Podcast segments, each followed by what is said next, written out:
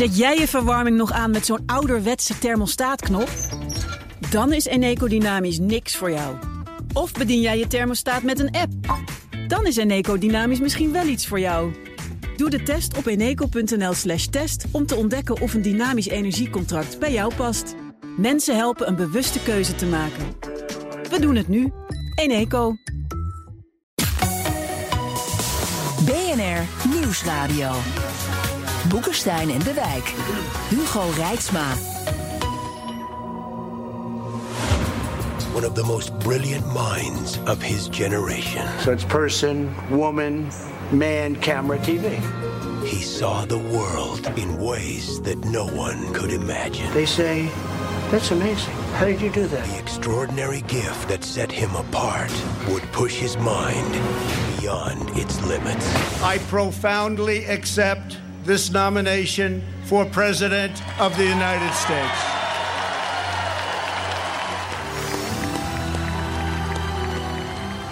A beautiful mind.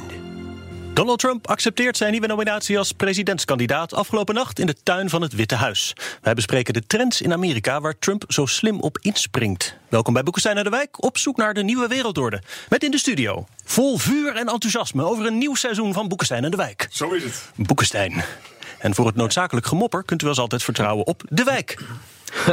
Onze gast is Raymond Mens, Amerika-kenner, politicoloog en schrijver van het deze week verschenen boek Lang leven Trump. Jazeker. En dat is natuurlijk precies zoals Arjan daar ook over denkt. En Rob. Ja, dus we, zijn gewoon eigenlijk een Trump-afdeling. En dat betaalt goed, eh, luisteraars, dat zullen jullie nog merken.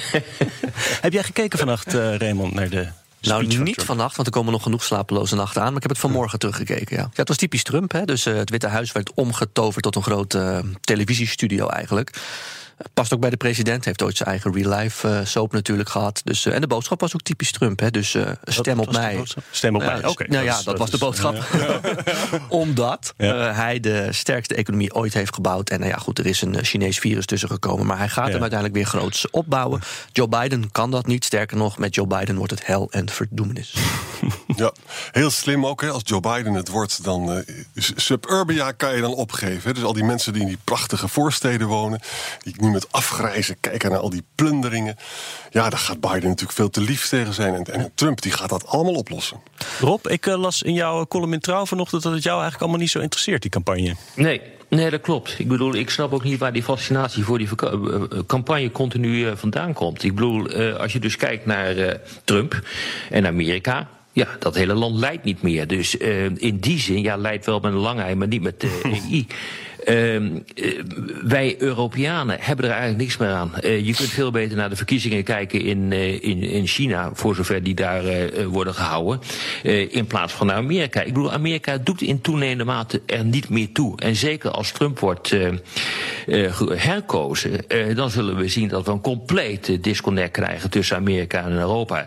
Nu hoopt iedereen er nog een beetje dat het allemaal wel goed komt als Biden aan de macht komt. Maar ook daar heb ik slecht nieuws voor. Want dat gaat namelijk ook niet gebeuren, omdat Biden zich ook zal gaan richten op, eh, op China.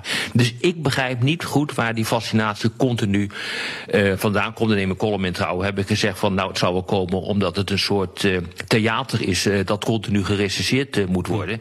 Terwijl je nog niet eens weet, weet wat de afloop van het toneelstuk is. Zoiets zal het wel zijn, denk ik. Maar misschien weet En- Raymond dat. nou ja, hoor, want juist daarom. boek over geschreven. Nou ja, juist daarom, omdat we niet weten hoe het afloopt. Dat lijkt me fascinerend genoeg. En eigenlijk bijna alles wat u net zegt, daarvan denk ik... nou, dat is toch pittig fascinerend om te volgen, denk ik. Het is ook natuurlijk, ik heb zelf een voorliefde voor campagne Ja, het grappige, Raymond, Ja. is eh, dat, eh, dat dat dus op die manier niet gevolgd wordt. Het gaat alleen maar over wat er binnen Amerika gebeurt... en wat er in die, eh, in die zaaltjes Mhm. gebeurt. Maar het gaat eigenlijk helemaal niet om de grotere implicaties hiervan. Nou, dat stoort mij mateloos langzamerhand. Kan ik mij voorstellen, maar kan u wel van harte aanbevelen... misschien heeft u het al gedaan om dan mijn boek te gaan lezen. Want heb, wat ik juist... heb ik gedaan. En ik vond dus eerlijk gezegd dat dat ook een zwakke punt was van het boek. Ik, kwam, ik zag niet wat er in het boek. Dat er ergens in het boek gesproken werd over de implicaties. bijvoorbeeld voor onze Europeanen. Gewoon niet. Nou, volgens, mij staat dat, je nou, volgens mij staat dat in hoofdstuk 1. Dus dan zou ik hem toch nog een keer eh, lezen. Maar belangrijker nog, het is ook een boek over Amerika. En wat ik zie, en Ja, dat bijvoorbeeld even... Nee, klopt. Nou ja, Dat bijvoorbeeld is mij ook opgevallen. Nou ja, dat is heel goed. en eh, bijvoorbeeld, nou, ik zal nogmaals zeggen, kijk even naar hoofdstuk 1. Maar los van hoofdstuk 1, wat ik ook belangrijk vind, is... eh, we hebben het net gehad over het verhaal van Trump. Dat is wel een verhaal.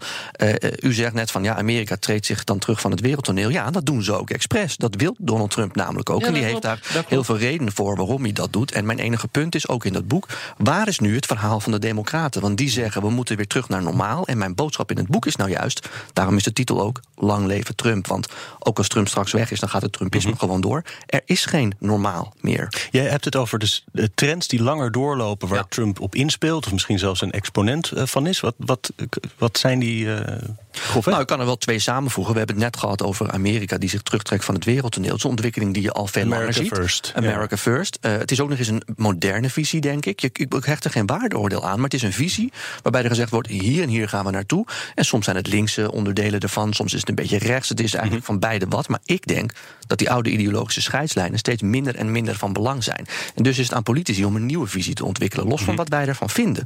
Trump doet dat wel en hij doet dat niet alleen, dat is ontwikkeling 2. Hij neemt die Republikeinse partij daar ook in mee. Hij doet dat, ik beschrijf dat in het boek op een soort Tony Soprano-achtige manier. hè. Dus zweer trouw aan de leider en zo niet, dan is daar de deur. Maar ondertussen is er wel een hele generatie Republikeinse politici gekomen. die niet alleen zijn werkwijze omarmen, hè, dus dat Twitter en het gebruik van social media. Ja. maar ook zijn visie omarmen. En daarom zeg ik, ja, hij kan misschien wel de verkiezingen verliezen, misschien ook niet. Maar ook al verliest hij, dan gaat het Trumpisme gewoon door.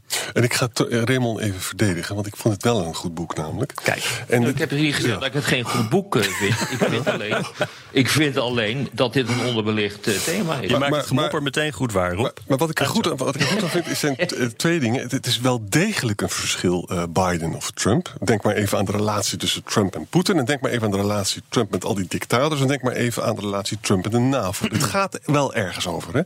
En het tweede is dat, kijk, wat je van Trump verder ook vindt, je hoeft het er helemaal niet mee eens te zijn. Maar hij heeft een soort visie van de globalisering moet wat veranderen. Hè? We moeten hier banen houden. Of je daarmee eens bent, is een ander punt. Wat stellen nou de Democraten daar eigenlijk tegenover? En daar was ik eigenlijk heel erg teleurgesteld over. Die hebben, ze zijn ten aanzien van China, wat dus Rob terecht zegt, zijn ze nog veel agressiever geworden. Maar dat hebben ze eigenlijk gejat van Trump. Hè? Ja, het is gewoon puur politieke armoede. Eh, er is geen eh, verhaal. Overigens moet ik erbij zeggen, de Republikeinse Partij had ook de afgelopen 10, 20 jaar eh, toch moeite met het formuleren van een nieuw verhaal. Zeker. En om het hele conservatisme, het nieuwe millennium in te brengen. Dat is ook het vacuüm waar Trump is ingestapt. Want heel lang, heel veel mensen zeggen Trump is geen Republikein. Ja, ik schrijf ook in het boek, ja, wie dan wel?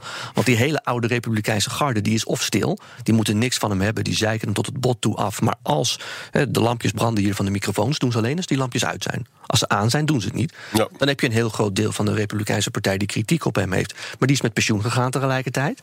Nou, en dan wat ik net beschrijf, het andere deel, dat is een hele nieuwe generatie van Trump-Republikeinen, om het maar even zo te noemen, die die wijze van politiek omarmen en ook die zijn visie omarmen. Eh, dus, dus die gaan vrolijk door met het Trumpisme. Eh, mocht Trump er straks niet meer zijn. Een andere Nou, trend waar je over... visie, eh, nee, maar het is gewoon, volgens mij gewoon geen visie. Het is een manier van politiek bedrijven. Het is echt Het is wat beide. anders dan Het een is visie. beide. Nee, het is wel een visie, denk ik. Eh, de fout die denk ik heel veel mensen maken, is dat een visie dat moet dan iets zijn wat op een oude of een traditionele ideologie gestoeld is. Nou, hij weekt zich daar los van. Maar ik denk dat ook heel veel meer kiezers zich daar los van weken. Nou, het, als de visie is eh, nationalisme. Eh, dat, En de wijze waarop hij dat doet, dat hebben we dus eh, vannacht ook weer eh, gezien. Eh, dat is een manier van doen wat gaat met lis en bedrog, waarbij gewoon de ene naar de andere leugen eh, wordt eh, gedebiteerd. Ja, je kunt van alles zeggen, maar dat is voor mij geen visie. Dat is een manier van politiek bedrijven om met lis en bedrog kiezers achter je te krijgen. Je speelt in op, het, op de emoties die er bij je kiezers liggen. Je gooit daar een saus overheen van, nationalist, van nationalistische retoriek. Dat is gewoon geen visie. Dat is een mobiliserende manier van politiek eh, bedrijven. En ik moet zeggen, dat je ook heel erg eh, succesvol in. Nou ja, maar ik snap ook wel wat u nu zegt. Alleen dat zijn volgens mij twee verschillende dingen. Je hebt de wijze van politiek bedrijven. En je hebt de, de inhoudelijke kant van het verhaal. Dat is volgens mij wel Ja, maar degelijk een visie. zie ik dus niet. Nou, maar ik Dat zie hem wel. Maar punt. ook nog even los daarvan. Want eh, ook als we kijken naar de speech van vannacht. Ik kom dus steeds op hetzelfde terug. En dat doe ik ook in het boek. Dat dit eigenlijk vrij weinig met Trump zelf te maken heeft. Jij zei het in je introductie. Hij speelt slim in op. Ja, hij speelt slim in op. Maar die ontwikkelingen zijn er natuurlijk al. En een van die ontwikkelingen is Ja. dat in Amerika er zijn maar twee partijen. Ja, er zijn er meer, maar die spelen geen rol. Dus je hebt maar twee partijen. En hoe zijn die partijen ooit ontstaan? Die hebben eigenlijk die, doen, ja, die dealen maar met één vraag, namelijk wat eh, regelen we in Washington en wat niet? Of rood en blauw of links of rechts. Zo kun je ze een beetje typeren. Maar in een wereld waar die oude tweedeling steeds minder van belang is voor veel kiezers, maar ook niet een antwoord biedt op de vragen waar we nu mee zitten, de pandemie, eh, de eh, du- duurzaamheidscrisis die we hebben, ja, dan kun je dus niet meer die problemen problemen op die manier aanvliegen. Maar we hebben twee mensen, Trump en Biden, die wel in die tweedeling gevangen zitten. Maar beide hebben ze er niks mee. En dan krijg je dus het verhaal wat Trump vannacht vertelde. maar waarom zou je geen visie kunnen hebben op een pandemie of op klimaatverandering? Nee, dat zou je Eh, zeker kunnen wordt- hebben, maar die kun je niet Nee, je wordt- puur alleen maar beantwoorden. Nee, maar die, dat Het wordt genegeerd. Nee, maar die visie kun je wel degelijk hebben. Maar mijn kritiek is juist, die kun je niet puur en alleen maar in een tweedeling hebben. Meer of minder Washington of links of rechts. En zo zit wel het systeem in elkaar. En daardoor lopen al jaren heel veel discussies vast. En ook bijvoorbeeld als Trump dan met zo'n muur komt. Dat beschrijf ik ook in het boek. Ja, eh, vind je het gek als daar twintig jaar lang al. Ik volg toevallig de Amerikaanse politiek twintig jaar. Kan ik niks aan doen. Ik ben al eenmaal 33. Ik ben er vroeg mee begonnen. En, en, en wat je ziet in die twintig jaar is dat die discussies al eh, ja, tijdenlang in een. Er is geen compromis. Er is een soort eh, tweestrijd die daar plaatsvindt. Partijen zoeken elkaar in steeds minder en mindere mate op. En dus krijg je in die enorme mate van polarisatie, waar buitenstaanders niet kunnen doordringen, krijg je eh, ja, steeds meer extremere standpunten, maar geen oplossingen van problemen. Ja, je hebt dus polarisatie en Trump is ook een man van de polarisatie. Deze campagne dus. speelt nu heel erg tegen de achtergrond van ook echt conflict op straat, waarbij doden vallen. Heel extreem. Wat zal dat, Jan, denk je, voor gevolgen hebben? Nou, dit, dit is volgens mij een kernpunt. Hè? Nogmaals, ik ben dus bang dat veel mensen in suburbia... die zien plunderaars en die zijn dan gevoelig voor het law and order verhaal van Trump. Nou, gaat dat de doorslag geven? Of is het zo dat veel mensen in suburbia zijn ook bezig aan na te denken over Black Lives Matter. Denken daar genuanceerder over dan Trump. Vinden dat Trump daar te hard eigenlijk optreedt. Zij vinden ook dat, eh, dat, dat ze niet uit het Paris Declaration hadden moeten gaan. En kijk, met andere woorden, de samenstelling van suburbia is dus veranderd. Hè? En dat is een probleem voor Trump. En, en dat zou er dus toe leiden dat hij, dat hij het toch niet haalt. Want ook de demografie is veranderd. Hè. Zitten, als je kijkt naar de demografie, zijn er heel veel millennials. Hè. En millennials denken daar een beetje anders over. Die zijn ziek van het Amerikaanse politieke systeem, wat Raymond zo mooi beschrijft. Hè. En die willen nu wel, we gaan nou eens wat dingen oplossen. Ook dat gedonder met er gewoon zwarte worden doodgeschoten. Daar gaan we gewoon wat aan doen met elkaar. Zo kan het niet langer. Hè. Dat is een ander verhaal dan Trump, die die white supremacists een beetje toefluistert. Ja, wat je van Trump kan zeggen is dat hij in ieder geval een kant kiest. Alleen mijn punt is nou juist dat hij in een systeem zit wat dat ook beloont. Dat is waar, daar heb je gelijk in. BNR Nieuwsradio. Boekenstein en de Wijk. Op zoek naar de nieuwe wereldorde. Dit is Boekenstein naar de Wijk. En dat programma is natuurlijk niet zonder Arend-Jan Boekenstein en Rob de Wijk. Mijn naam is Hugo Reitsma en onze gast is Raymond Mens. Schrijver van het deze week verschenen boek Lang leven Trump. En eerder campagnestratege voor de VVD. Een politiek dier. Anders dan Rob de Wijk. Vinden jullie, ik, ik beperk me even tot de mensen hier in de studio... anders gaat Rob weer direct mopperen. Vinden jullie nou dat Trump het knap doet? Ja, ik ben het helemaal niet met zijn beleid eens, maar ik vind het absoluut. Ik heb die speech helemaal bekeken. Hij, bedient dus zijn groep. Alleen mijn zorg is voor hem, als ik in zijn campagneteam zou zitten, van die groep die je bedient, die is kleiner geworden. Ja. Maar goed, luister wel, die, die plunderingen die hakken erin bij mensen. Daar zijn mensen tegen. Hè? En dat, hij voelt dat haarfijn aan. Ja. Nou ja, en ik daar maak, ook- ik me ook zo, daar maak ik me ook zo, eh, zo ook. grote zorgen over. Het is ook niet de eerste keer dat ik eh, heb gezegd, ook in, eh, in ons eigen programma. Van eh, als door die coronacrisis gewoon eigenlijk alles ja, mislukt is. Alles wat hiervoor is gebeurd, eh, dat houdt eigenlijk op te bestaan. De economie, ja, hij. Hij schept daar nog steeds over op.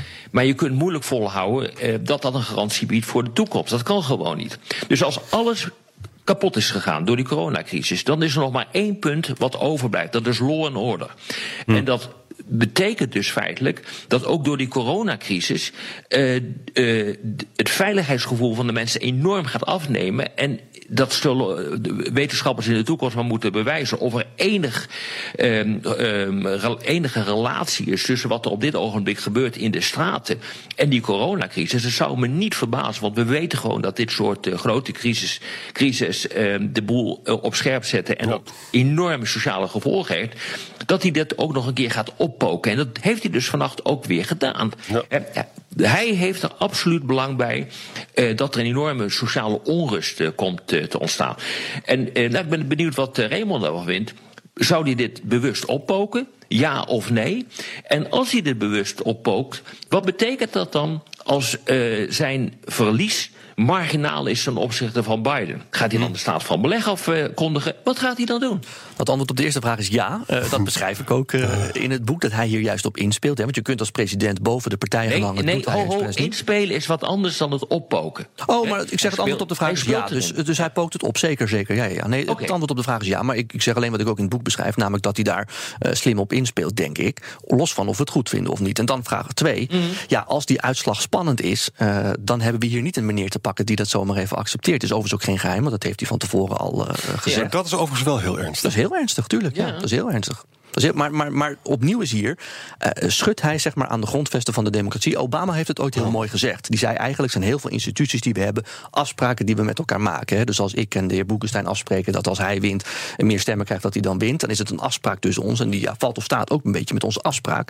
En daar, uh, ja, die, dat soort afspraken die verscheurt uh, Trump. Dus dat is absoluut waar. Alleen hij kan in zijn eentje niet zoveel. Hij opereert natuurlijk niet in een vacuüm. Maar heeft een partij die hem daarin volledig steunt. Een partij top die uh, met geen woord erover rept. De media die er voor een heel groot deel in meegaan. Ook Amerika's media zijn verdeeld. Dus hij heeft ontzettend veel medestanders in dat gevaarlijke spel wat hij speelt. Die media die zijn natuurlijk ook, spelen een belangrijke rol in ja. zo'n campagne. Schrijf je ook veel over. Heeft dat ook te maken met, met zo'n trend waar je het over hebt? Nou ja, de nieuwsmedia in Amerika, dat is gewoon big business. En er wordt heel veel geld mee verdiend. Voor een deel wordt er veel geld mee verdiend door je eigen doelgroepen te bedienen. Hè. Daar hebben we Fox News uh, aan te danken en daar hebben we MSNBC aan te danken. Maar voor een deel ook gewoon omdat ja, daar trek je ook veel kijkers mee als er breaking news is. En ja, we kennen allemaal de voorbeelden nog uit de vorige campagne, waarbij Trump uh, met een leeg podium uh, meer uitzendtijd kreeg dan Clinton met een vol podium waar ze zelf stond. Omdat ja, het, het, een leeg podium met Donald Trump komt daar bijna aan. Dat scoort nou eenmaal meer kijkers dan Hillary Clinton praat nu over uh, de werkgelegenheid. En dat zie je bij deze campagne ook een beetje terug. Alles wat Trump zegt, de media hebben daar toch geen vorm voor gevonden hoe daarmee om te gaan. We hebben het net over leugens gehad. Vanmorgen nog een peiling dat 40% van de Amerikanen denkt dat Joe Biden dement is. Ja, nou, misschien is hij het, maar volgens mij is daar geen enkel bewijs voor. Ja. Uh, en dat komt omdat hij er steeds de, de, ja, de, de eter inslingert. En de media dat ook steeds overnemen. En ik zeg niet dat je niet moet berichten over wat de president doet. Maar het is aan de media om dat spel goed te verslaan, die tweestrijd. En ik denk dat ze daarin falen. En ook, ook bij de CNN. Hè? Het ja. valt me op. De podcast The Daily deze week, hè, die volg ik altijd. Die doet dus heel weinig aandacht aan de Republikeinse conventie nu. Wat toch heel merkwaardig is. Ja. En ook CNN bespaart daarop. Dus we zien dus eigenlijk gewoon twee zuilen die niet meer met elkaar praten. Ja. En we zien met heel veel succes fake news uh, erin gooien. Nou, en wat denk maar je nou van al die gasten van nou begin. Hand, wat, maar wat denk je nou van al die gasten van begin 30? Een beetje mijn leeftijd. Die uh, geïnspireerd zijn door Trump en dan de politiek ingaan in Amerika. Die zitten nu in het congres. En die weten hoe je media-aandacht moet krijgen. Ja. Namelijk, s ochtends vroeg allerlei dingen uh, twitteren. Twitter als megafoon gebruiken. Maakt niet uit of het waar is. Nee, dat maakt inderdaad helemaal niet uit. En vervolgens niet het compromis opzoeken, maar volledig voor je eigen achterban gaan. die verdeeldheid, daar kun je dus op inspelen. In plaats van dat je probeert boven die partijen te hangen. Die zijn op deze manier nu opgevoed. En die gaan met z'n allen de komende jaren, zolang zij daar zitten, misschien wel decennia, op deze wijze politiek bedrijven. En dat is mijn punt. En daarom ook de titel Lang leven Trump. Maar hoor eens even, betekent ja. dit nou dat we het, uit, uh, het, het einde zien van de Amerikaanse democratie? Nee, ik, zou het, dat, ik kan het overigens niet voorspellen, want ik kan niet in de toekomst kijken. Dat maakt het voor Nou, mij ook heel spannend. Maar nee, ja, jammer is dat, hè. Maar wat ik, ja, als ik nu een oordeel erover zou moeten vellen, ik zie het eerder als een reset. Uh, en waar die reset toen naar ja, zal leiden, dat moeten we zien. Maar als je kijkt naar de Republikeinse Partij bijvoorbeeld. Wat, is nou, net, wat, is nou, wat is nou een reset? ja, nou, voordat u me onderbrak, wilde ik het uitleggen.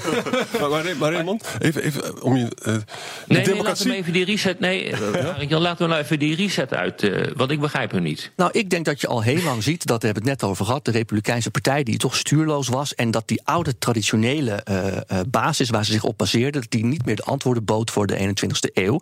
En bij de Democraten zie je eigenlijk hetzelfde. Hè, want daar zie je nu toch een beetje van, wat is nou ons verhaal? We hebben net geconcludeerd, tenminste dat vinden wij, dat het er niet is. Uh, en wat Trump doet, is een nieuwe visie neerleggen die losstaat van die oude traditionele scheidslijnen. Ik hoop van ganse harte dat er andere politici komen die dat ook doen. Maar daar is wel behoefte naar, denk ik, aan nieuwe verhalen. Maar nu, nu komen wel een aantal? Ja, nu komen wel een aantal vragen. Kijk, democratie veronderstelt natuurlijk dat mensen bereid zijn om op te stappen als ze de verkiezingen verloren. Ja. En ook dat er een debat is wat geïnformeerd is door feiten. Dat is toch wel prettig bij een democratie. Nou, wat we nu leren in deze nieuwe tijd is dat er massaal eh, fake news wordt verspreid en dat mensen het ook heel erg geloven.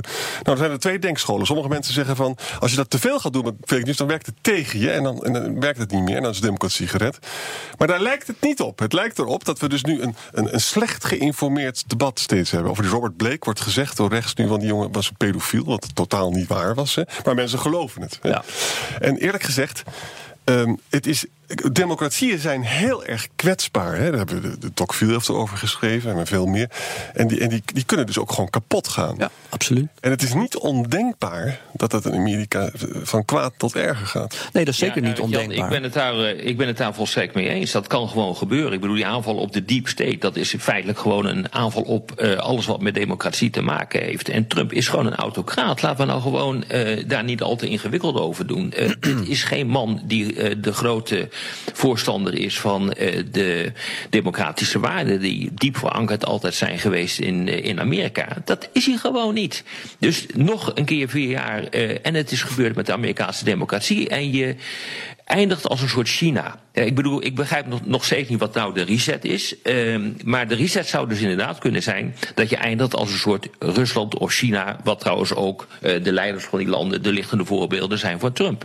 Maar meneer De Wijk, als het al zo is wat u zegt, laten we dat dan even nu eh, veronderstellen. Wa- Wat is dan, eh, want ik hoor het steeds over Trump, Trump, Trump, Trump, Trump. Dat zou overigens Trump zelf fantastisch vinden, want des te meer Trump, des te beter. Maar ik hoor ons alleen maar over Trump. Terwijl, wat is nou de aanklacht? Ik probeer dat in het boek te doen. Wat is nou de aanklacht aan de typisch Amerikaanse instituties, eh, democratische eigenschappen, de media, die u ziet waarom Trump dit überhaupt kan doen dan? Nee, maar dat heeft er gewoon even niks mee te maken. Dat heeft er heel veel mee te maken. Deze man opereert toch niet in een vacuüm? Dus stel alles wat u net zegt waar is. Hè, daar gaan we dan even vanuit. Dus eh, Trump is een soort dictator in wording. Ja, dat kan. Eh, ik beschrijf hem zelf als een soort. Nou, ik beschrijf hem zelf als een soort Tony eh, maar Soprano. nou wat hij- Nee, maar even antwoord op de vraag, want dat doe ik ook bij u. Dus de, de vraag is: eh, wat zijn nou die. eh, zeg maar, hoe kan Trump dit nou doen? Komt dat omdat Trump als een soort tovervee van de hemel neerdaalt en dit allemaal zo kan? Of ziet u ook eh, eh, structureel dingen in die Amerikaanse maatschappij, dan wel democratie, dan wel Oh, ja, mediacratie? nee, maar, maar jongens, die, die hem- heb ik, natuurlijk, maar daar heb ik ontzettend veel over gezegd in dit programma. Daar heb ik Ja, maar nu ben ik er toevallig. U hebt het er nu over, dus ik hoor het graag natuurlijk, van u. Natuurlijk is dat zo. Natuurlijk zitten er een aantal weeffouten in dat Amerikaanse politieke systeem. En die heb je zelf ook al genoemd. Ik bedoel, het is een tweepartijenstelsel. Het polariseert als een gek. Eh, er is weinig vertrouwen traditioneel in de overheid. Eh, Mhm. Je ziet het hoe Amerika eh, de aanval heeft... sorry, Trump de aanval heeft geopend op, op Amerikaanse instituties. variërend van een congres tot de inlichtingendienst en alles wat ertussenin zit. Eh, de ministeries die zijn eigenlijk niet meer eh, echt van belang. eh, want die worden allemaal aangestuurd vanuit het eh, Witte Huis. Dus de ministers zijn eigenlijk uitvoerende krachten geworden. Er is echt enorm veel aan het veranderen. Het begint inderdaad te trekken te krijgen van Rusland en van China. En als dat de reset is, weet je, dan moeten we niet al te vrolijk doen. Dat doen we nu niet hoor. Over wat er allemaal gebeurt met die. eh, en die fascinatie die we hebben met, die, met dat theater wat er op dit ogenblik op eh, wordt gevoerd. Dit betekent gewoon dat de hele westerse wereldorde op dit ogenblik voor je ogen aan het verkruimelen is. En dat we een supermacht zien, dat altijd onze bondgenoot is geweest, die gewoon afdrijft naar een politiek systeem die veel meer doet denken aan Rusland en China dan dat eh, van het oude Amerika. En zijn wij ik- hier ook kwetsbaar voor? Hè? Want die, die trends Ja, van natuurlijk. nationalisme, populisme, Twitter. ik bedoel, wij importeren veel uit Amerika, ook veel discussies. Zijn wij daar Ja. net zo kwetsbaar voor? Natuurlijk. Nou, niet zo kwetsbaar, omdat wij een eh, ander soort democratie hebben met veel meer politieke partijen. Eh, maar je ziet natuurlijk wel, dat zie je ook in Nederland, eh, dat de, de flanken. Eh, die grote invloed hebben op, de, op het gematigde midden. Hè. Ook de, eh, de VVD die neemt gewoon standpunten over eh, van de extremere partijen in het spectrum. Om ervoor te zorgen dat de kiezers daar niet naartoe lopen. Met, met andere woorden, je krijgt dus grote, eh, eh, grote woorden over immigratie, over terrorisme, over. Nou ja, ga zo maar door. En dat, dat heeft grote consequenties, en dat zien we al. Maar aan de andere kant moeten we ook constateren, en dat is toch echt interessant wat er gebeurt in Europa, namelijk eh, dat de Ik vind meneer De Wijk wel heel somber. Mag ik dat even zeggen? Ik, ik, het was een hele mooie vrijdag, de zon schijnt zo. buiten. Ja, nou, maar het is gewoon zo. Vertel me dat het niet zo is. Nou, maar, Gewoon maar als wat ik- wat ik- wat ik toch is. mis in die analyse. bijvoorbeeld immigratiebeleid gewoon enorm hard, veel harder is eh, geworden. Tuurlijk. Nee, maar dat Daar hoort u ook mij niet zeggen dat het niet zo is. Nou, nou, dan is het Raymond, wil je ons nog even naar een optimistischer einde brengen? Soms lukt het in dat programma. nou ja, wat ik opnieuw mis. Dan, kijk, de, jouw oorspronkelijke vraag was, voordat we deze uh, hele lange preek kregen, van hè, hoe, hoe zit dat nou en kan populisme ook hier? Ja, natuurlijk kan dat hier. Alleen mijn punt is, we hebben in Amerika een aantal essentiële schakels die ervoor zorgen dat Donald Trump, Donald Trump zit waar hij zit. En daar moeten we het over hebben. En als, uh, en als we dat al kunnen veranderen, dan moeten die schakels in de spiegel kijken en naar zichzelf kijken. En Donald Trump, die is dan weer van voorbijgaande aard. Maar die schakels blijven bij ons. En die moeten intrinsiek kijken naar wat is Ik mijn heb iets positiefs verantwoordelijkheid. bedacht. Nou, weet je, er is continuïteit. Nou, mijn boek is uit, dat is ook positief. Dat is ook heel positief. Eh, wat er vannacht gebeurde was eigenlijk een herhaling van eh, Nixon 1968, de silent majority, de zwijgende meerderheid. Hè. Jullie zijn helemaal niet goed wat er allemaal in Amerika gebeurt en jullie worden gewoon be- bedonderd. Hè. Het is mogelijk om dat discours te draaien. Obama heeft het voor elkaar gekregen, bijvoorbeeld. Hè. En nu moeten de Democraten met een beter verhaal komen dan wat Ik ze ben nu een doen. beetje klaar met dat geklaag over Donald Trump. Ik ben, ik ben het helemaal eens met wat jij nu zegt. Kom met een ander verhaal dan. Kom met een beter verhaal. Met deze poging tot optimisme moeten we afronden voor de radio. Maar op de podcast hebben we meer tijd. Dan gaan we door met onder meer luisteraarsvragen. Luistert u op de radio, dan verwijs ik naar Apple Podcast, Spotify of bnr.nl. Trump roept altijd heel hard dat hij doet wat hij heeft beloofd. Maar kan hij dat punt na vier jaar ook nog maken? Wat zijn de belangrijkste dingen die hij wel heeft waargemaakt en welke niet? Nou nee, dat, Ja, kan die- volgens mij bijna door die geen enkele... kan hij niks meer waarmaken. kan volgens mij bijna geen enkele president. Dus nee, dat, eh, dat kan hij niet zeggen. Eh belangrijkste dingen voor hem zijn, denk ik. Dat zijn namelijk ook de dingen waar, als je naar kiezersonderzoeken kijkt, die kiezers het meest eh, waarderen. Dat zijn zijn heronderhandelde handelsverdragen. En de pogingen daartoe. Want ook met China bijvoorbeeld, hè, dan lukt dat misschien nog niet. Maar die poging daartoe die wordt wel door veel Amerikanen gewaardeerd. En het aanpakken van Big Pharma.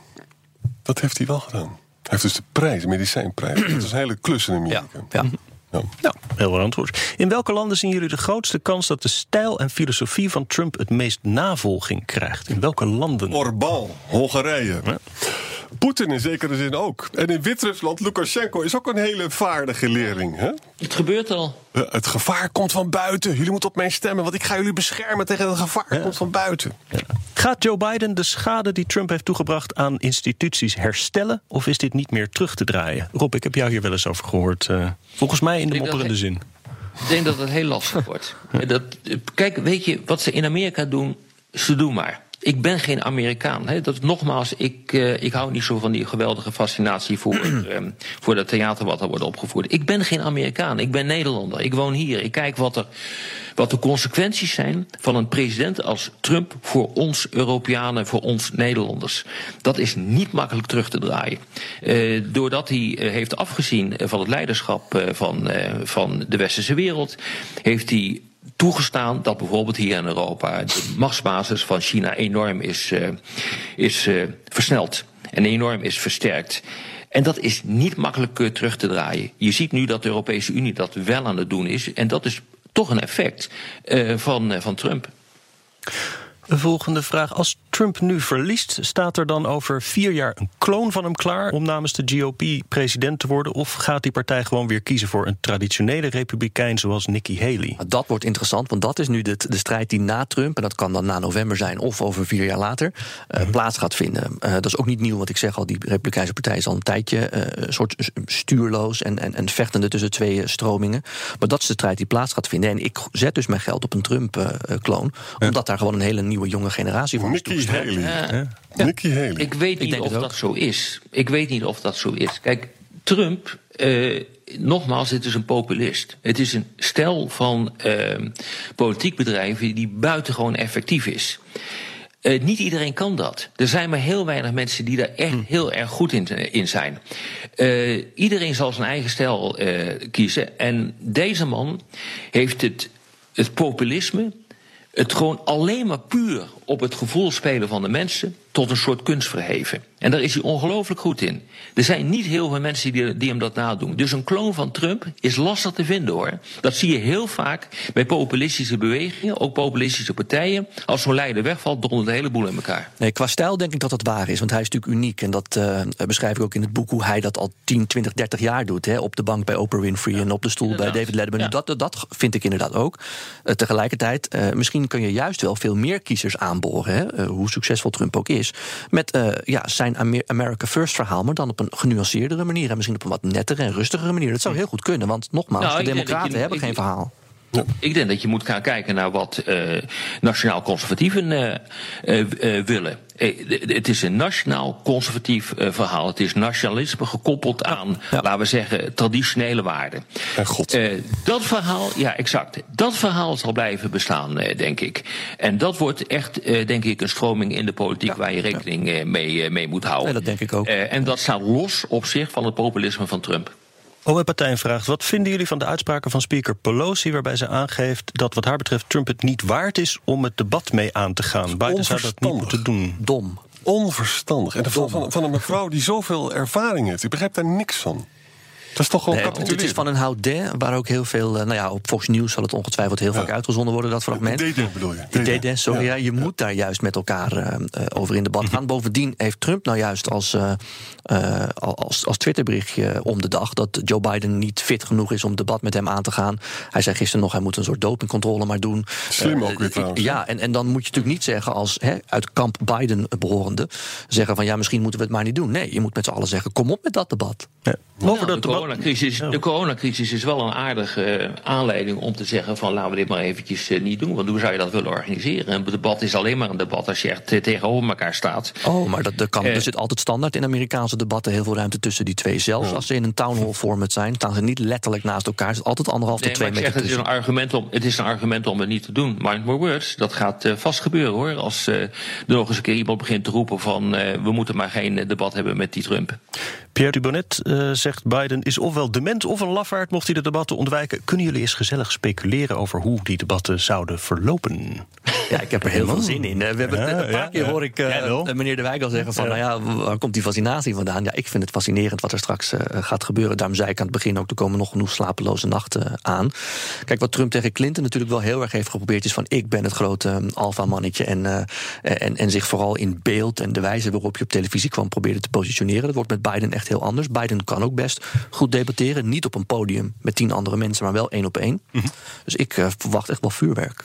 En Trump gaat natuurlijk zeggen Sleepy Joe en low on energy en zo. Het wordt een spektakel van de eerste orde. Zeker, ja, ja. En Joe Biden is wel heel erg, eh, eh, dat merk je de laatste tijd als er druk op staat. Als hij wat zenuwachtiger wordt, dan komt dat gestotter een beetje van vroeger terug.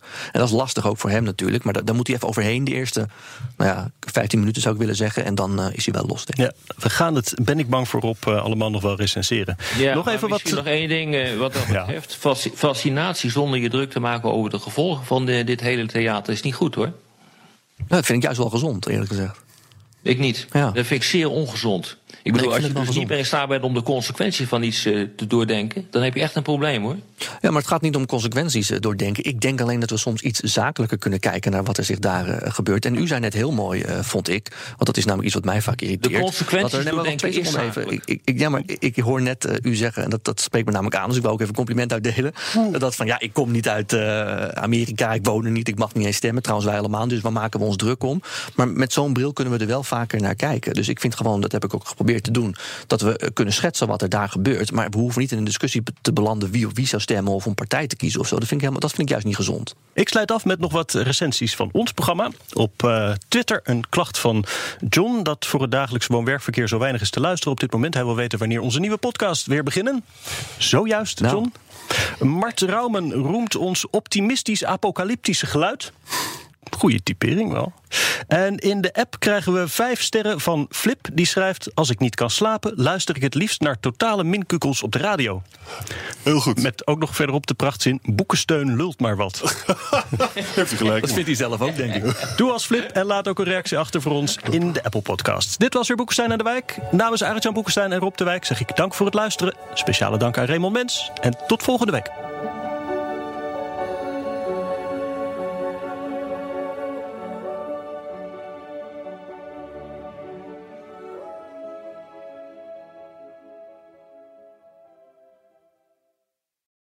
Ik ben Sylvia van Solft.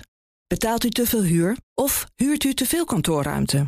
Solft heeft de oplossing. Van werkplekadvies, huuronderhandeling tot een verbouwing, wij ontzorgen u. Kijk voor al onze diensten op soft.nl.